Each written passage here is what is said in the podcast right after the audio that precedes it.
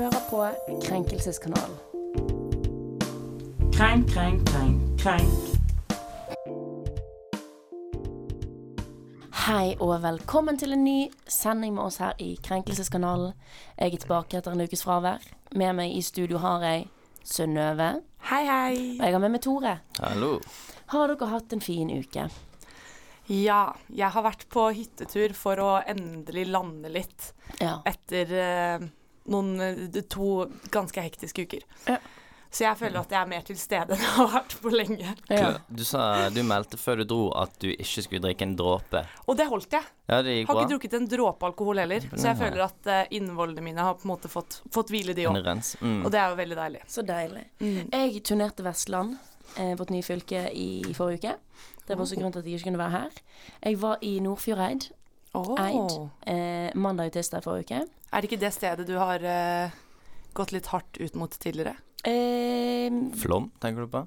Nei, det var kanskje et annet sted, det. ja, det er Som du mye, sa. mange steder i Norge som ikke Det er mange eh, steder har gått Du vil ikke komme så det er over litt hjerteskjært. Men Eid er nok en av de. Eh, Eid er sikkert veldig fint. Sånn, Eid er på en måte hjembyen til Malakoff, Ja. hvis dere har hørt om den festivalen. ja, ja, ja, jeg skal på den i sommer. Såpass. Kos deg. Eid er helt jævlig. Men det er sikkert fint der når det er da. Men det var Jeg kommer opp til Eid. Jeg kjørte jo dritlangt opp dit. Men det skal Eid ha, og det skal hele Nordfjordeid ha. Det er en fantastisk kjøretur. Ja. Hvert fall når du på en måte 20 minutter er Førde er det styggeste stedet i hele Norge. Men når du kommer ut av Førde, så kommer du til Jølstavannet. Jølstavannet er jo eh, det, altså nasjonalromantikken i et sted. Og Det er jo der Niklas Astrup Han var jo, bodde ved Jølstavannet. Alle hans malerier er jo Jølstavannet. Flammen over Astrup. Åh, fantastisk sted. Eh, så kom jeg hjem igjen. Dagen etterpå så skulle jeg til Sunnhordland. Da besøkte jeg Bømlo. Aldri vært på Bømlo før.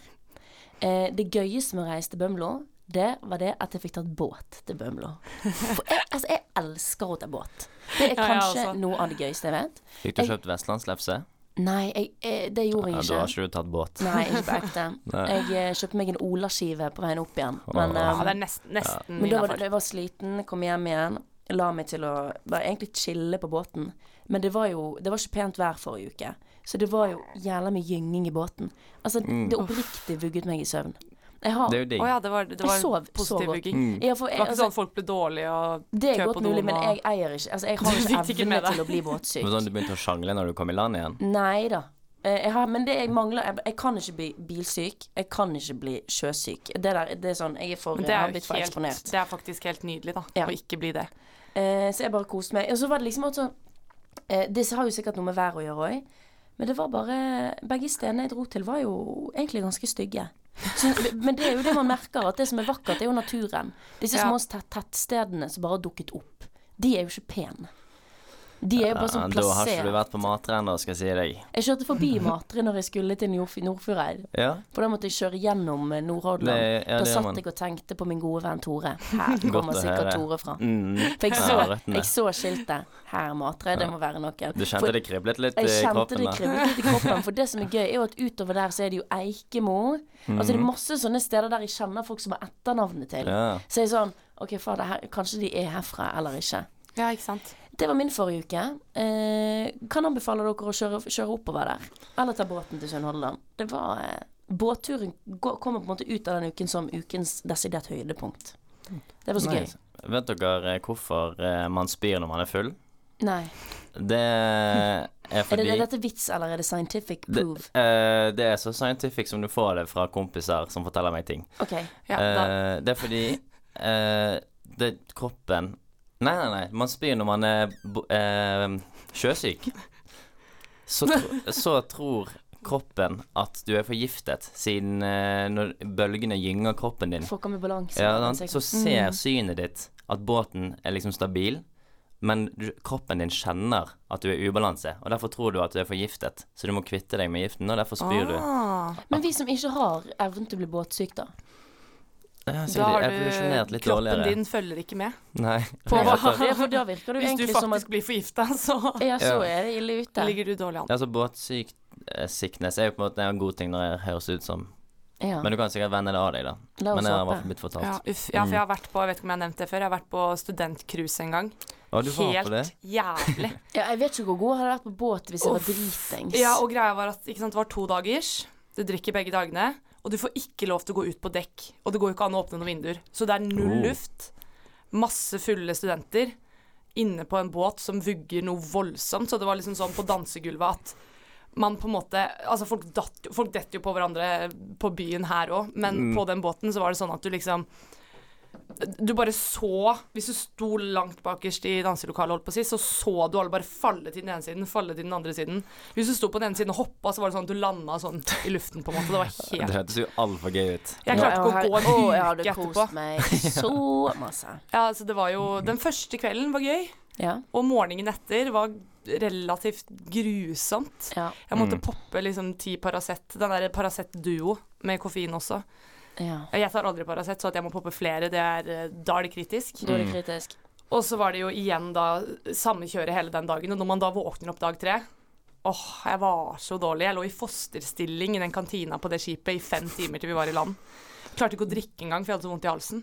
Så jeg bare lå i sånn fosterstilling og bare Mm. Det høres ut som den var beste og verste opplevelsen man Ja, kan ha. var Og nå husker jeg bare det verste. At jeg kom i land og klarte ikke å gå rett, og jeg på en måte Det tok, ja, det tok en uke før jeg liksom klarte å komme meg. Oh. Så jeg skal ikke på det igjen med det første. Nei, det Men kroppen min følger med, og jeg blir eh, forgiftet på båt. Ja, Litt om. Det var nå i hvert fall vår uke. Jeg vet ikke om det er interessant å høre at folk har vært rundt omkring og båt og sånn, men det er nå bare for at dere skal bli litt kjent med oss. Vi må jo si noe. Jeg har ikke gjort noe annet interessant. enn å ha vært i Bømlo og Nordfjordeid. Eh, Krenkelseskanalen har eh, kommet på et artig påfunn. Det påfunnet er rett og slett at vi har eh, sett det egentlig som vår plikt. Eh, like mye som at vi skal vurdere om andre er er berettiget krenket, som å faktisk krenke litt sjøl. Derfor skal vi nå etter en ørliten pause få høre det som blir Krenkelseskanalens aller første KK-rant. Så vi er straks tilbake. Du hører på Krenkelseskanalen.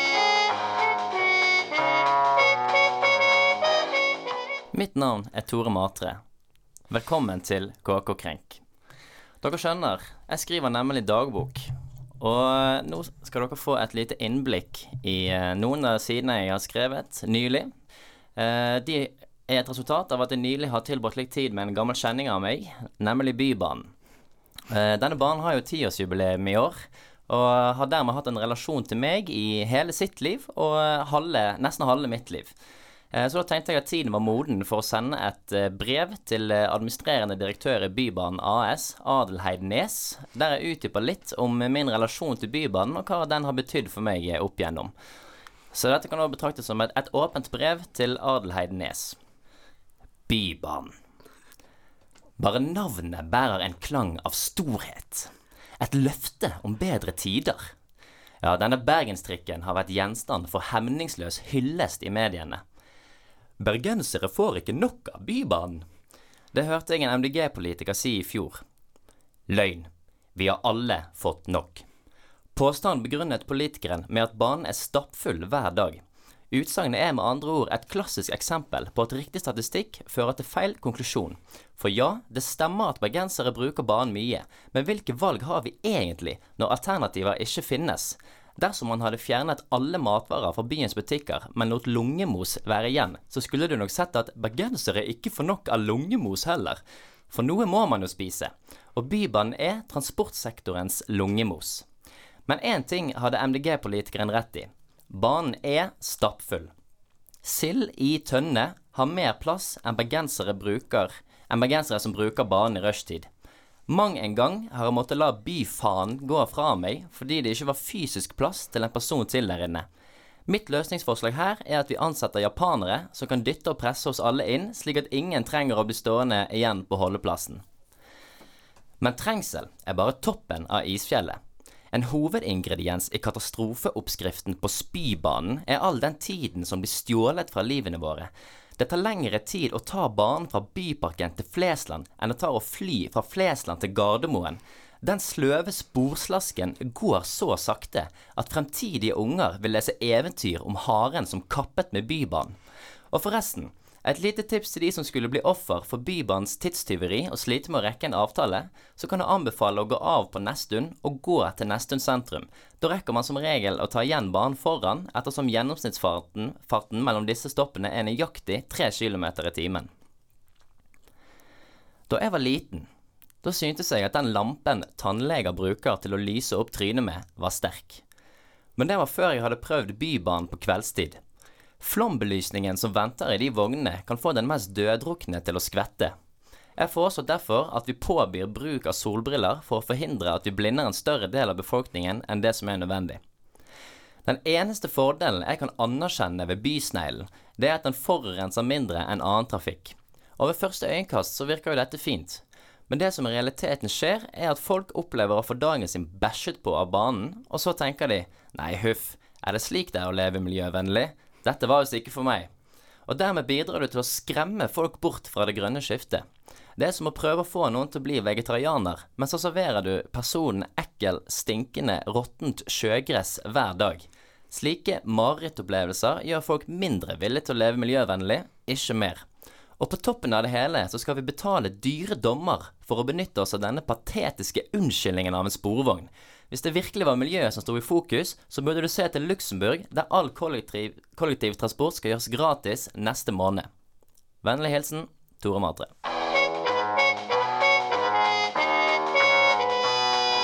Du hører på Krenkelseskanalen.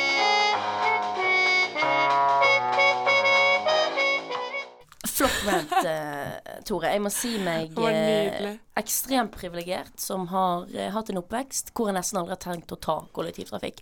Jeg, noen ganger når jeg var ferdig på piano, altså på Bergen kulturskole, som ligger midt i sentrum, så gikk jeg noen ganger og tok elveren ut til Nordnes. Det er på en måte sånn jeg har blitt eksponert for å måtte ta kollektivtrafikk. Men eh, så når, vet du hva, når jeg først har bibanen, så syns jeg bare det er koselig. Men det er sikkert fordi at jeg er ikke avhengig av den i det hele tatt. Jeg har bare tatt den når jeg skal på fest. Eh, ja, og da er du naturligvis oppglødd. Så da Ja. kan du kanskje slippe mer gjennom fingrene. Ja, da tolererer man det meste. Ja, Men nå har jeg Da er det bare miljø... gøy det tar lang tid. Det blir en forlengelse av forset. Akkurat. Men jeg har, jeg har vært miljøsvin veldig da i januar. Jeg brukte opp flykvoten min mer enn gjerne. Eh, og da kjente jeg på at fy faen, det tar eh, Jeg er jo halvveis ned på kontinentet. Hvis man bare sitter ser på fly, i forhold til, sånn som du sier. Det tar helt enormt lang tid ut Ja. til uh, Ja, jeg gjør jo det ofte når jeg skal uh, hjem til Østlandet. Og jeg har tenkt på det flere ganger, at den flyturen er jo kortere enn Bybanen når man Mm. kommer frem. Og det er helt uh, For den går Altså, den går jo ganske fort frem til du nærmer deg sentrum. Så begynner den å gå helt sinnssykt tregt. Eller den går fortere. fortere. Det går fortere, Men men går fortsatt sakte. For det stykket fra Jeg går jo på på Sletten, ja. eh, og det er jo da på en måte rett utenfor sentrum. Og derfra ut går den mye fortere, for fra Sletten og inn til byen så tar det jo Ja. Det er jo kort avstand, men det tar jo sånn Men fra Sletten til 20 minutter? Slettebakken, det tror jeg er det raskeste. Det er, Der går han i toppfart. Det har faktisk eh, akkurat der. Det er kanskje derfor, da, som en Jeg gang jeg er går på, så er jeg 70 der. sånn «Woo!» ja. Mm. Nei, det, jeg har tenkt på det. Jeg, har, jeg tar ofte buss, da. Men der har jeg også opplevd, særlig med nattbussene, at eh, jeg skal ta bussen hjem fra byen, og så er det ikke plass til flere. Og det var den siste bussen, og da er du litt sånn Etter du har vært på Ja. fylla, liksom. Ja, Men det er, jo, det er jo det gøyeste med å gå på byen før, syns jeg, når jeg tok buss til Eidsvåg. å ta nattbussen Ja, hjem. for da var jo Det var jo som at klubben var kommet inn på bussen. Så du, og så var det liksom alle generasjoner. Ja, men Det spørs litt når du tar bussen. Jeg tenker sånn, fordi til, på, i, på lørdagene så går den til tre. Og den trebussen, den er det litt lite fart i. Da er det liksom, det lukter kebab og pizza, og folk er litt sånn sløve og faller litt på Mm. hverandre. Og noen står kanskje og kliner i bakerste vogna, på en måte. Bakerste vogna. Det er leddbuss. da. Ja, um, men hvis du tar den som er liksom ett-tiden, to-tiden, når folk er på vei til nach, da er det god stemning. Mm. Men nå, Eh, på Eidsvåg var det trebussen som var mest Det var den du var på. i? Ja. Går Det til Eidsvåg? Nei, altså at femmeren den klokken som- tre. Å ja. Mm. Herregud, altså det er som en ny verden. Jeg har jo tatt eh, Jeg har tatt mye femmeren da Når jeg gikk på vors ute i Lømborg og sånn. Ja, Det var femmeren jo- for life. Ja, det var jo alltid veldig gøy, men det var jo den eneste som kom fra byen. Så jeg var jo alltid aleine på femmeren sånn Ja, nå skal jeg på fest, og med tre ølvesker. Yeah, 16 cool. Og liksom sånn. Eh, men det var jo eh, Nei, jeg er jo utrolig Jeg velger buss hver dag i uken framfor Bybanen. ja. Ja, jeg tar bare. Bybanen hvis jeg skal til eh, Flesland. Eller hvis du skal til Elisabeth, vår kjære produsent. Ja, ja, da tar vi Bybanen. Ja. Men da tar vi den sammen, og Da da, er det koselig. og da er det koselig, for da glemmer du tiden. Ja, og poenget er jo Altså, Bybanen er jo verst for de som trenger den sårt i rushtiden, på en Ja. måte. Sånn til og fra jobb. eh, Kan jeg få lov å si én ting som faktisk jeg kunne lagd en egen rant om? Jeg har jo eh, brydd meg usedvanlig lite om Bybanen over Bryggen-spørsmålet. Mm. Eh, satt meg veldig lite inn i det, så hvis folk spør meg hva jeg mener der, så må jeg ærlig si at det vet jeg ikke. Men er det Nå har vi hatt stormflo i Bergen. Altså såpass stormflo at vannet har gått over bryggekanten på Bryggen. Mm. Det har vi hatt nå først 30, nei, 13. eller 15. januar, og nå, nå igjen for to dager siden. På, i, I hvilket univers er det en god idé å bygge en bybane over der? Dette, men altså, poenget er jo at dette kommer ikke til å skje færre ganger framover. Nei, absolutt ikke. Eh. Hvordan, hvordan skal dette fungere? Skal man forhøye opp nivået Bybanen går på? Ja, de må uansett eh, bygge noe sånn forsvarsmekanisme, sluser eller noe sånt. Så det problemet må de sikkert fikse uansett, Ja, jeg. må ikke de det? Ja, jo. Jeg synes det altså, jeg, jeg, Nå når jeg har sett liksom sånn føler- stilige arkitekturtegninger over hvordan bryggene Jeg ser ingen eh, mekanismer som er blitt bygd eller er med i plantegningene for å forhindre at vann skal komme. Da er det plutselig, da, to ganger på en måned at Bybanen bare rett og slett ikke kan gå over bryggen. Ja, ikke sant? Jeg altså, håper han nei, de må jo oversvømmes de må jo ha en løsning ut i på det. havet. Ja, men sant, de må ha en løsning på det, for det Ja. synes jeg var utrolig merkelig. Bare sånn, Alle vet at Bryggen kan oversvømmes. Ja. Det skjer støtt og stadig. Det skjer sånn typ alltid en gang i året. Hvis 2020 skal fortsette i sin ekstremt deprimerende tralt, som han har vært hittil, så skjer dette én gang i måneden. ja. Det er jo det vi sikter oss inn mot nå. Ja. Det skjedde to ganger på én. Nei, det Eh, er ja. når vi er tilbake det, det var Tore sitt rant. Det var gøy. Jeg synes det var herlig å få opp litt temperatur her. Jeg er enig med deg. Fuck Bybanen. Eh, og Luxembourg-greiene. Hvorfor gjør vi ikke det samme?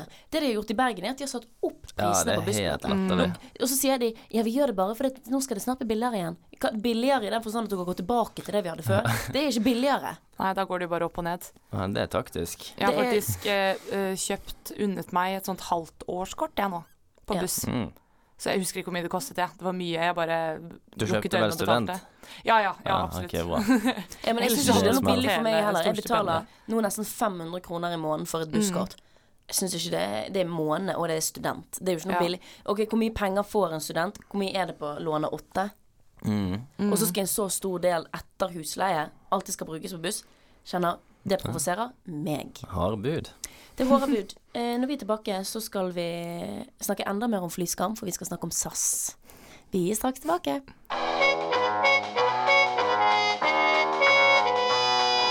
Du hører på Krenkelseskanalen. Krenkelseskanalen er tilbake, og vi skal nå begynne eh, på sakene våre. En, hovedsaken, eller første saken, det er SAS. Flyselskapet eh, Scandinavian Airs Flying Service Aldri visst hva SAS står for. Scandinavian Airlines. Ja, men hva står siste S-en for? Uh, super Scandinavian Airlines Super, i hvert fall. SAS, eh, som det åpenbart ikke står for. Um, det har eh, vært i havvind det siste døgnet. Grunnen til det er for meg helt fuckings ubegripelig. SAS har laget Jeg ser lite på reklame. Jeg måtte faktisk nå gå fysisk inn og se reklamefilmen. Men de har lagd det jeg vil allerede kåre som 2020s kuleste reklamefilm. Hele reklamefilmen begynner What is truly Scandinavian? Og så sier en samme stemmen Absolutely nothing. Så går de gjennom kjøttboller. Det er ikke svensk, det kommer fra Tyskland. De snakker om rugbrød, det er tradisjonelt tyrkisk. Vi snakker om bindersen, som vi alle har trodd har vært patentert i Norge siden for sånn 200 år siden. Det er også bare tøys. Ja. Bindersen er ikke fra Norge. Demokratiet vårt som vi er så stolte av, det er fra Hellas. Eh, Maternity leaf, at folk får lov å være hjemme med ungene sine, det er egentlig fra Sveits. Og de går liksom bare gjennom masse ting som vi har sånn derre eh, Bruker som sånn ekstremt sånn Å, dette er det skan ekte Skandinavia. Og så er det sånn Ja, men i, og ingen av disse tingene her er originalt fra Skandinavia. Og så avslutter filmen helt fantastisk. Den skandinaviske kulturen, selvfølgelig da gjennom reising, siden det er SAS, er at vi reiser ut, vi tar med oss det beste fra hva andre kulturer har å by på, og så fletter vi det sammen i en fantastisk røre og skaper det vakre Skandinavia. Jeg, jeg høres ikke dette her ut som verdens beste konsept for en reklame? Jo, jeg syns, jeg syns den er kjempefin, jeg. Jeg syns den var ganske teit. Du synes den var teit? Jeg syns den var kjempestilig. Eh, at liksom dette her med Altså, jeg syns også det viser liksom alle, Å, Skandinavia, det går ikke an. Da må man liksom ha et så indoktrinert system som de har hatt. Det er jo det den reklamen viser. Altså, ingen av de tingene som Skandinavia er kjent for, er skandinaviske. Det er bare vi som har fått det Ja, fungere de å har jo hatt et selektivt utvalg. Du kunne jo garantert laget den samme reklamen, Ja. bare at det var skandinaviske ting. Ja, Men det var det er det jo ikke poenget. si. Det. det er jo på en måte Du, De setter det jo på en måte på spissen. Vi vet jo alle at det er jo noen ting som er skandinavisk. ja, Men det er jo en måte å fortelle noe på, da.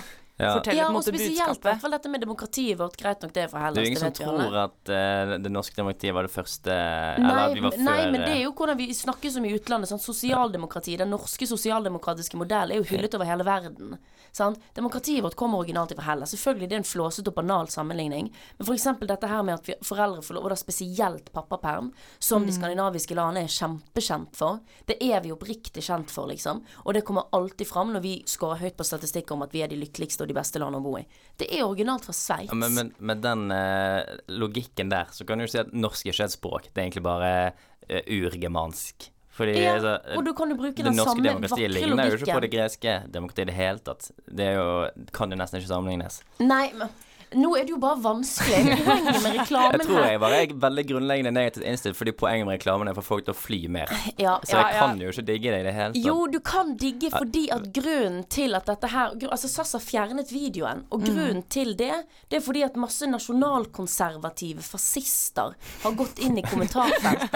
Ja, men helt oppriktig. Ja. Og jeg liksom kaller dette for ven vemmelig, og syns det er helt forferdelig å innse at veldig mye deler av den skandinaviske kulturen, det er hentet fra andre kulturer. Når man får vite at det danske rugbrødet tradisjonelt ble opprinnelig ble lagd og skapt i Tyrkia, så blir jo rasister helt sånn herre Ikke faen om jeg vil høre på det.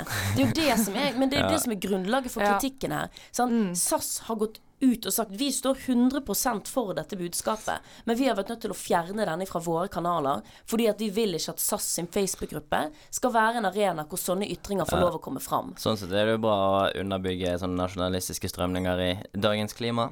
Polit politiske klima. Fy faen, altså, det er altså så vanskelig. jeg men, jeg men, Dette handler om noe helt annet enn miljø. Jeg men, eh, det var, klima var faktisk et tilfeldig ord jeg brukte. Det var ikke det værmessige klodeklimaet jeg snakket om. Altså det politiske atmosfæren. Så du, så du syns Det, var, det er bra å, å underbygge Altså bygge ned nasjonalistiske strømninger i dagens politiske klima. Så nå gir du eh, tommel Ja, opp til den, den delen Ja, av det- det, Det er jo poenget. jeg. Kan jo også godt Ja. sitte her og si sånn Burde vi forby reklamer som skal få deg til å fly mer? Men det er jo en helt annen en annen helt annen debatt, diskusjon. Sant? Dette her er en reklame som selvfølgelig er lagd på en sånn type måte at ja, OK, å, å vi skal fly mer. Sant? Det er sikkert noe PR-genies bak dette. Poenget er jo hva reklamen har ført til. At man bare i det hele tatt påpeker at ting som vi er stolt av, ikke kommer fra vikingtiden, men er noe vi har tatt ifra andre kulturer. At det får mennesker til å se så jævlig rødt. Jeg syns det er eh, Jeg syns for det første hadde jeg lyst til å si liksom at det var feigt av SAS å fjerne den. Men så skjønner jeg også så sykt godt at vi vil, ikke, vi vil ikke skape en arena hvor disse ytringene her tillates. Og den arenaen skal i hvert fall ikke være på vår egen hjemmeside. Jeg kan, akkurat det argumentet er typ det eneste jeg kan kjøpe. For jeg er sånn OK, jeg forstår at dere har tatt ned videoen. For videoen er kjempestilig. Jeg syns det var en utrolig, ut, utrolig, utrolig god eh, Du har vært lenge i Nordfjord. Ja, nå, jeg, har, jeg har vært altfor lenge i Sund og Nord... eh, av- av mange andre steder enn i Bergen. Nei, men jeg, jeg, jeg likte den skikkelig godt, jeg også. For jeg, jeg likte veldig godt poenget de kom med. Jeg synes det var, For vi vet jo at det er ting som er eh, Eller nå, nå er jeg redd for å si at noen ting er norsk, på en måte, men brunosten er vel vår. Men, eh, sant, vi kunne jo laget den som du sa, vi kunne laget videoen med norske ting, eller ja, skandinaviske ting, da, svenske Mm. og dansk og, og vist til at vi har noe som er vårt også. Men det er på en måte en, Jeg liker sånne typer reklamefilmer hvor det er sånn 'bring verden sammen', Ja. og det er på en måte Ja, men altså, dette kunne helt legit vært en reklame for SOS Rasisme. Altså sånn Ja. at SAS har laget denne reklamen. Det kommer typ bare fram på slutten. Vi elsker å reise, for da får vi, får vi ta del i det beste av alle kulturer. Sant? Det er jo utrolig lite vesentlig for hele reklamefilmen. Eh, og jeg syns det er jeg synes det, det er helt hårreisende å se noen av de der kommentarene som er sånn herre skal aldri fly SAS igjen. Dette er en helt vemmelig dokumentar. Nei, eh, reklame. Jeg bare sånn På Kanskje- hvilken måte kan dette provosere deg? Greit nok Tore blir provosert over at det er flyreklame, men det handler hva jeg har begynt med det siste? Nei, hva da? Eh, for av en eller annen grunn så får jeg jo opp mye sånn på Insta sånn sponset flyreklamer. Dere vet Insta er sånn det innlegg hvert Ja. tiende eller noe. Fordi du er min på å se på det. flyreiser. ja, ja, jeg rapporterer de. Seff har du begynt å gjøre det. Fordi jeg finner innholdet støtende. Ja. Uh, og jeg kommenterer de alltid. Ja. Sånn uh, 'please uh, stay on ground' og sånne ting. 'environment can't take it'. Så, og sånn. altså, jeg tror det er derfor jeg får det opp hele tiden. Fordi Åpenbart. Insta re registrerer at jeg virker, virker opptatt av det. Ja. Så får jeg bare mer og mer reklame. Og det er bare bra. mer og Da mer. kommenterer jeg mer og mer. Rapporterer alle. Men det er på en måte en helt annen side av denne Ja, jo, saken. Jeg, jeg meldte man litt fort. Jeg, eh, jeg er jo enig i det du sier om eh, altså dyrkingen av fellesskap og eh, tenke mindre oss og mer eh, oss, er liksom alle, og ikke bare oss få. Jeg tror, Ja. Men så, så er det også eh, Jeg har vel aldri vært mer kli, eh, klokkeklar på at folk ikke er berettiget krenket. Eh, det er helt utrolig for meg, og mennesker også som tør offentlig med navn på Facebook å kommentere at dette er en vemmelig reklame. Eh, Vemmelig har de brukt det ordet òg. altså, de altså, det var, altså, noen av de kommentarene det var, det. det var bare helt sånn herre Du skal aldri fly SAS igjen. Det er jo greit nok nice at du ikke skal fly mer, men Ja, da Eh. har de jo kanskje Kanskje var det budskapet At det var sånn meta- metabudskap. at de egentlig lager en sånn at de egentlig lager en sånn Krenkende reklamefilm. Så vet sånn Enten liker du miljøet, eller så er du racist. Så hvis vi lager en sånn reklamefilm, så er det ingen rasister som flyr med. Og det gjør ikke miljøbevisste heller. Nuller ut. Minus og minus og pluss. Ja. Kanskje det har vært en megameter Jeg tror de har en helt det. syk sånn eh, reklamefyr Ja, i, som har lurt hele firmaet som har lurt alle til å Ja. Nei, beklager at jeg rantet litt og ble Det har vært mye Emma i monitor, men jeg, eh, dette provoserte meg faktisk noe helt voldsomt. Det går fint, Emma. Ja. Kan jeg få lov å bli, please få lov å liksom få tre Kan vi være enstemmige om at dette er ikke berettiget krenk? Nei. Tore. Ja, Jeg, jeg synes, med. jeg er Jeg krenket var fordi at de reklamerer for autofi. Vemmelig. Helt Spydde nesten da jeg så den. Ja, skjønner det. Jeg, jeg er med i den hellige treenighet. som, eh, Nice. Eh, sure, rasistiske, nasjonalkonservative idioter på nettet. Eh, det fins ikke en celle i kroppen min som er enig i at dere er krenket i denne saken. Over and out. Når vi er tilbake, så blir det mer Krenkenytt. Du hører på Krenkelseskanalen. Krenkelseskanalen er tilbake, og vi skal nå ha em, litt sånn Dagsnytt 18-stemning. vi skal diskutere en relativt gammel sak. Vi skal diskutere eh, denne IS-kvinnen som ble hentet hjem med sine to barn. Når var det det skjedde? Var det i slutten av januar? Starten av februar? Eh, Førstnevnte, tror jeg. Ja, det er i hvert fall, i hvert fall sånn, sånn sett vi som skal være veldig up to date. Begynner å bli gamle nyheter. Men jeg har vært på et foredrag om akkurat denne saken, hvor jeg fikk veldig mye nye eh, Nye syns, ikke nødvendigvis, men jeg fikk i hvert fall litt mer eh, kjøtt på beinet av de synspunktene jeg allerede har hatt. Eh, det denne her i ut, utgangspunkt handlet om, dette var jo en eh, panelsamtale i regi av fagutvalget på jussen. Så dette, det spørsmålet som ble stilt her, var jo om man som Om Norge har noen juridiske Om de har et juridisk ansvar overfor de som nå sitter igjen i campene i Syria og omeng. Så var det Det var mye Altså, saken der er jo at eh, no, majoriteten av disse her etterlatte etter Syria og gamle IS-medlemmer, de sitter jo nå i sånne leirer og er under iransk myndighet. Nei, unnskyld. Feil. Kurdisk myndighet. Eh, kurdiske myndigheter har bedt folk om å ta sine statsborgere hjem igjen. Fordi at situasjonen er utholdelige, man klarer ikke å fòre dem. Sant? Problemet her ble jo at eh, den eldste, denne kvinnen som nå har kommet hjem til Norge, hun kom hjem med sine to barn. Eh, hvor det virkelig ble fortgang i sakene, fordi at eldstesønnen var antatt kritisk syk. Altså han var jo kjempesyk. Så han trengte medisinsk behandling. Eh, så er det jo både eh, den syriske moren Nei, det var hun ikke. Den IS-moren. Hun ville ikke reise Hun vil ikke la barna reise uten hun. Pluss at kurdiske myndigheter har også sagt at dere henter ikke hjem ungene uten mødrene. Det er jo for så vidt et relativt humanitært argument. Sant? Skal noen hjem, så skal alle hjem. Um, og så er det også sånn debatten jeg synes har vært merkelig for enkelte folk som har vært veldig imot at hun skal komme hjem. Snakker som om hun kommer, skal komme hjem og flytte rett inn tilbake i leiligheten sin. Hun skal jo åpenbart stilles for en norsk domstol. Det var jo det det var snakk om her. Sant? Vi har hatt ett tilfelle som kan sammenlignes. Det var jo Nordfjordeid. Shout-out. eh, hvor en kvinne ble dømt etter samme paragraf som det er snakk om at denne kvinnen skal dømmes for. Hun er jo dømt hovedsakelig for eh, rekruttering. For hun kom seg aldri til Syria. Hun ble stoppet i Wien. Em, men hun har jo da blitt dømt på bakgrunn av at hun var med og på en måte idealisere hele dette her eh, syriske IS-samfunnet. Eh, men det som de diskuterte, som jeg syns var egentlig veldig interessant, som jeg ikke har tenkt på, det er jo at innenfor asylretten så er det et prinsipp om at hvis en for La oss ta Djibouti, da. Så er det snakk om nå. Mennesker som har hevdet at de er fra Somalia, men som egentlig er fra Djibouti. Kommer du fra Djibouti til Norge og får avslag på søknad i Norge, så er Djibouti pliktig til å ta deg tilbake. Sant? Det, altså, du, landet skal ta det tilbake når du har avslag på en søknad i landet du har søkt asyl i. Hvorfor kan ikke det virke på andre måten? Sant? Kurdiske myndigheter har ingen grunnlag til å gi disse her menneskene opphold.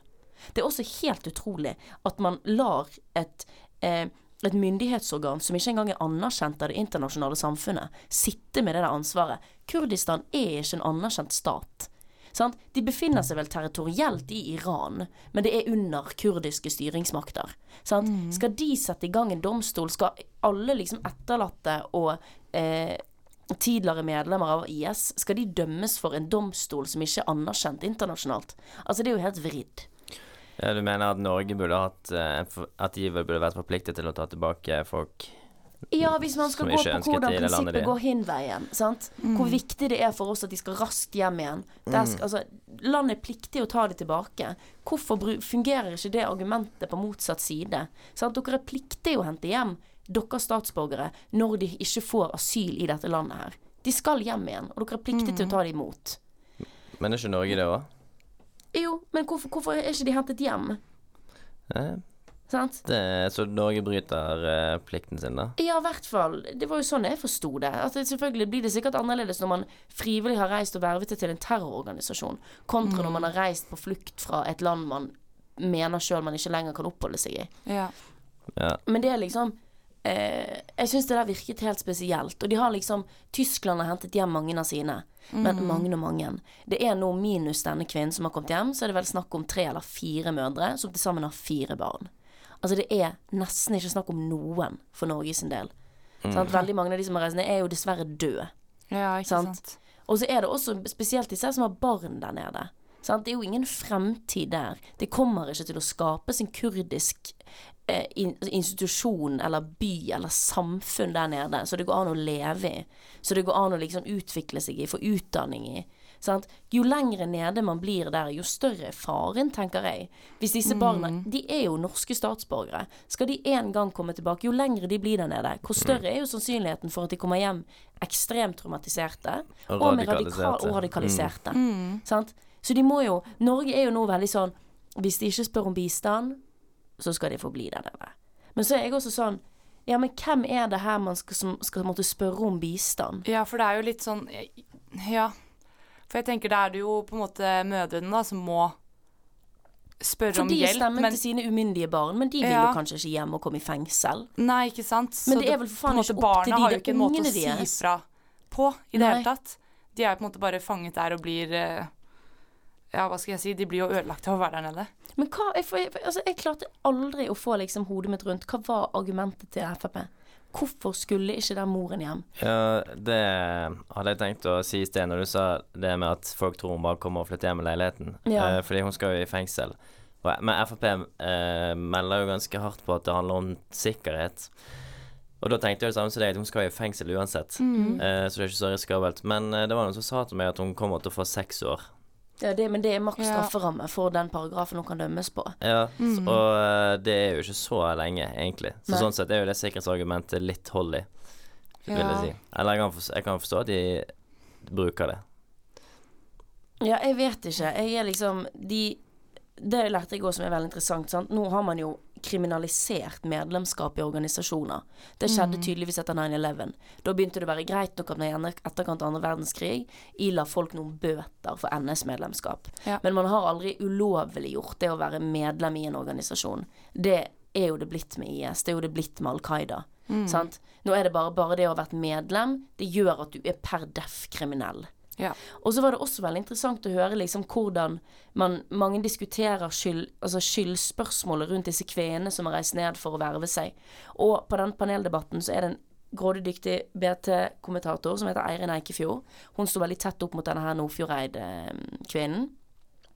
Og sier liksom at kvinner de, altså, de minimaliserer sin egen rolle i IS-samfunnet.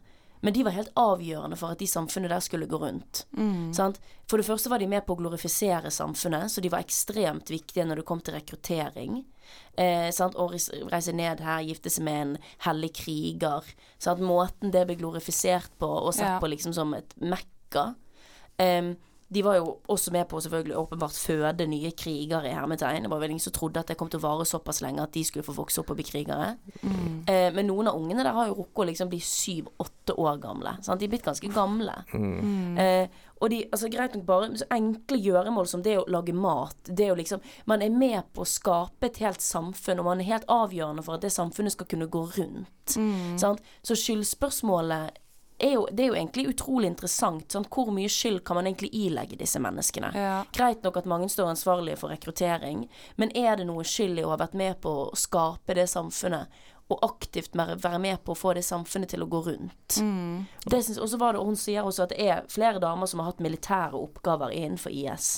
Så det har ikke vært, de har ikke vært helt sånn kvinne på kjøkkenet bak i nikab. Altså, noen av dem har faktisk hatt administrative stillinger innenfor regimet.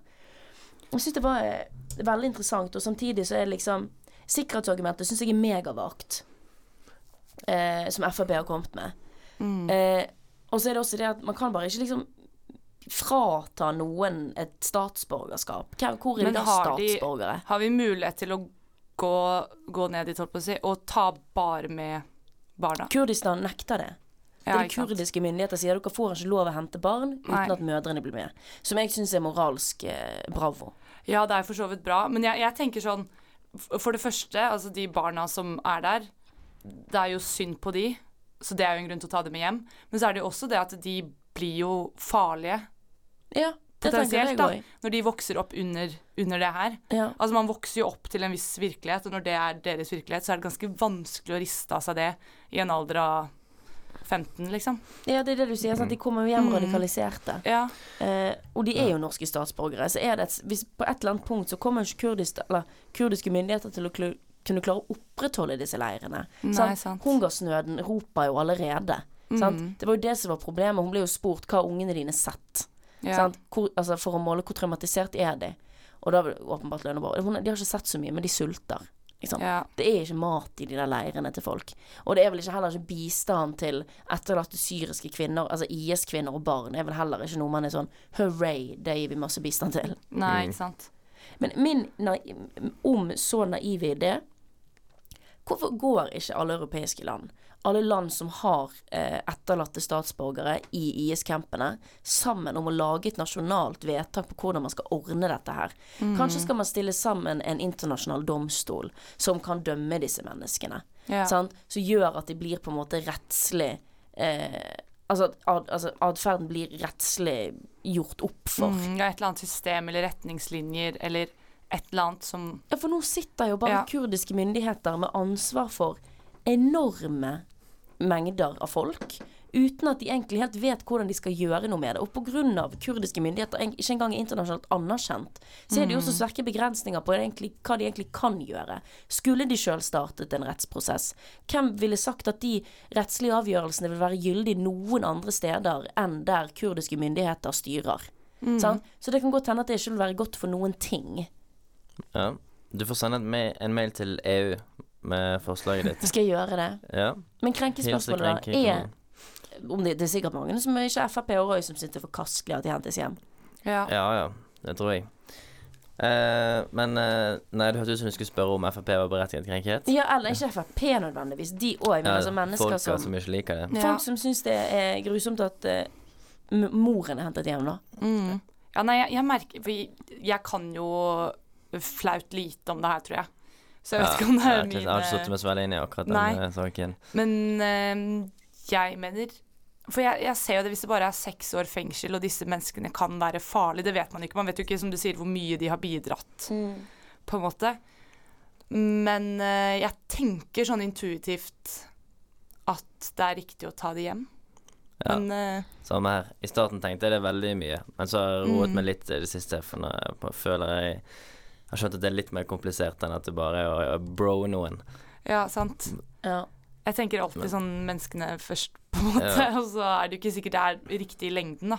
Nei. Hvis de gjør mer skade enn nytte, på en måte, å ta de hjem. Så er de berettiget krenket, da? Nei. Nei. Jeg mener åpenbart nei. Krenkelseskanal oppsummerer Vi stiller oss ved siden av eh, ikke IS-mødrene, men IS-barna. Hent IS-barna hjem, hæ?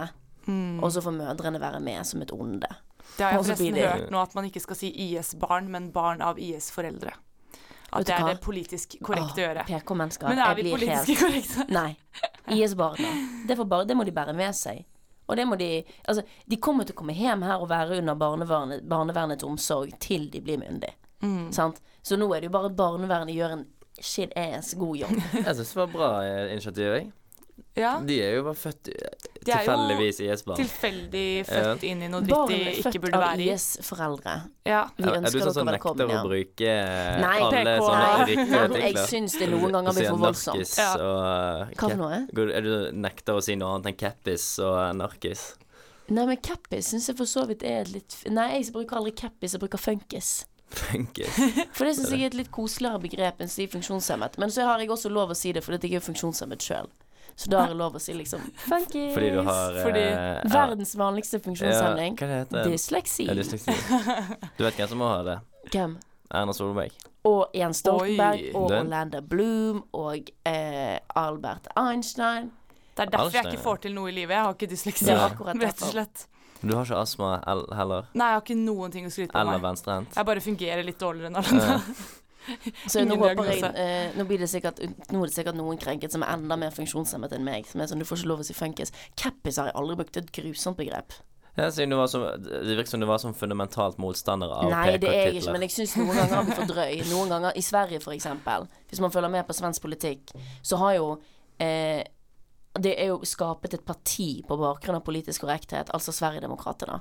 De er jo, hele deres fundament bygger jo på at det landet ble så politisk korrekt at de torde ikke engang å snakke om problemer med innvandring. Selv om jeg som SV-er Mm. godt kan si at man har problem, Men det er jo ikke problemet med innvandring. Man, klarer, man klarte ikke engang å si problemet er at vi klarer ikke å integrere dem. Sant? Så PK, det er bra noen ganger. Altså, man skal ikke gå rundt og si Ja, det skal ikke bli for mye av det. men det skal ikke var bli så mye at det samme hemmer debatten. Trump. Hva- Ja, sant. Av Mm. PK. Ja. Fordi at man ikke Man må jo kunne snakke om ting. Man må bare snakke om det på en sivilisert måte. Det syns jeg ikke man gjør hvis man kaller folk for cappis. Det jeg er et stygt begrep. Ja, men Men funkis med sånn jazz hands som vi lager nå, det syns jeg er lov. Er ikke det koselig ord? Jazz hands, Jeg har det er hørt Spiderman. Spiderman jazz hands. Spider jazz. Nei da, funksjonshemmede. Eh, og barn av Vi avslutter med å si at eh, vi i Krenkelseskanalen vi ønsker barn av IS-foreldre velkommen hjem. Ja.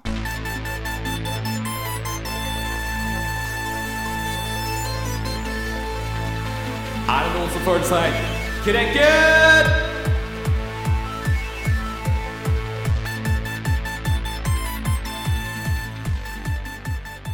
Krenkelseskanalen er tilbake for å si ha det. Vi Dette ble en sending med lite innhold, men dog interessant innhold. ja, men det var tynt å ta av denne uken. Vet du hva, i dag Det er sjelden opp, eh, vi opplever det, men noen ganger er rett og slett eh, krenken for laber. Ja. Selv om egentlig det krenkes i huet og ræva hele tiden, så eh, skjedde ikke det denne uken. Derfor ble det litt, eh, litt annerledes schwung over denne sendingen. Men neste uke, folkens, da er det eh, midtsemesterfest. Eh, festen som Krenkelseskanalen har innført. Eh, da blir det alle i studio. Det blir god stemning. Vi kommer oss endelig i et studio som er litt bedre enn dette, så lyden kommer også til å bli mighty fine. Eh, og da begynner vi å nærme oss også Tore sine siste sendinger. Ja. Så det blir jo også noe å feire. En lite stikk på slutten der. Vi snakkes i hvert fall om en uke. Ha det bra. Ha det bra. Ha det bra.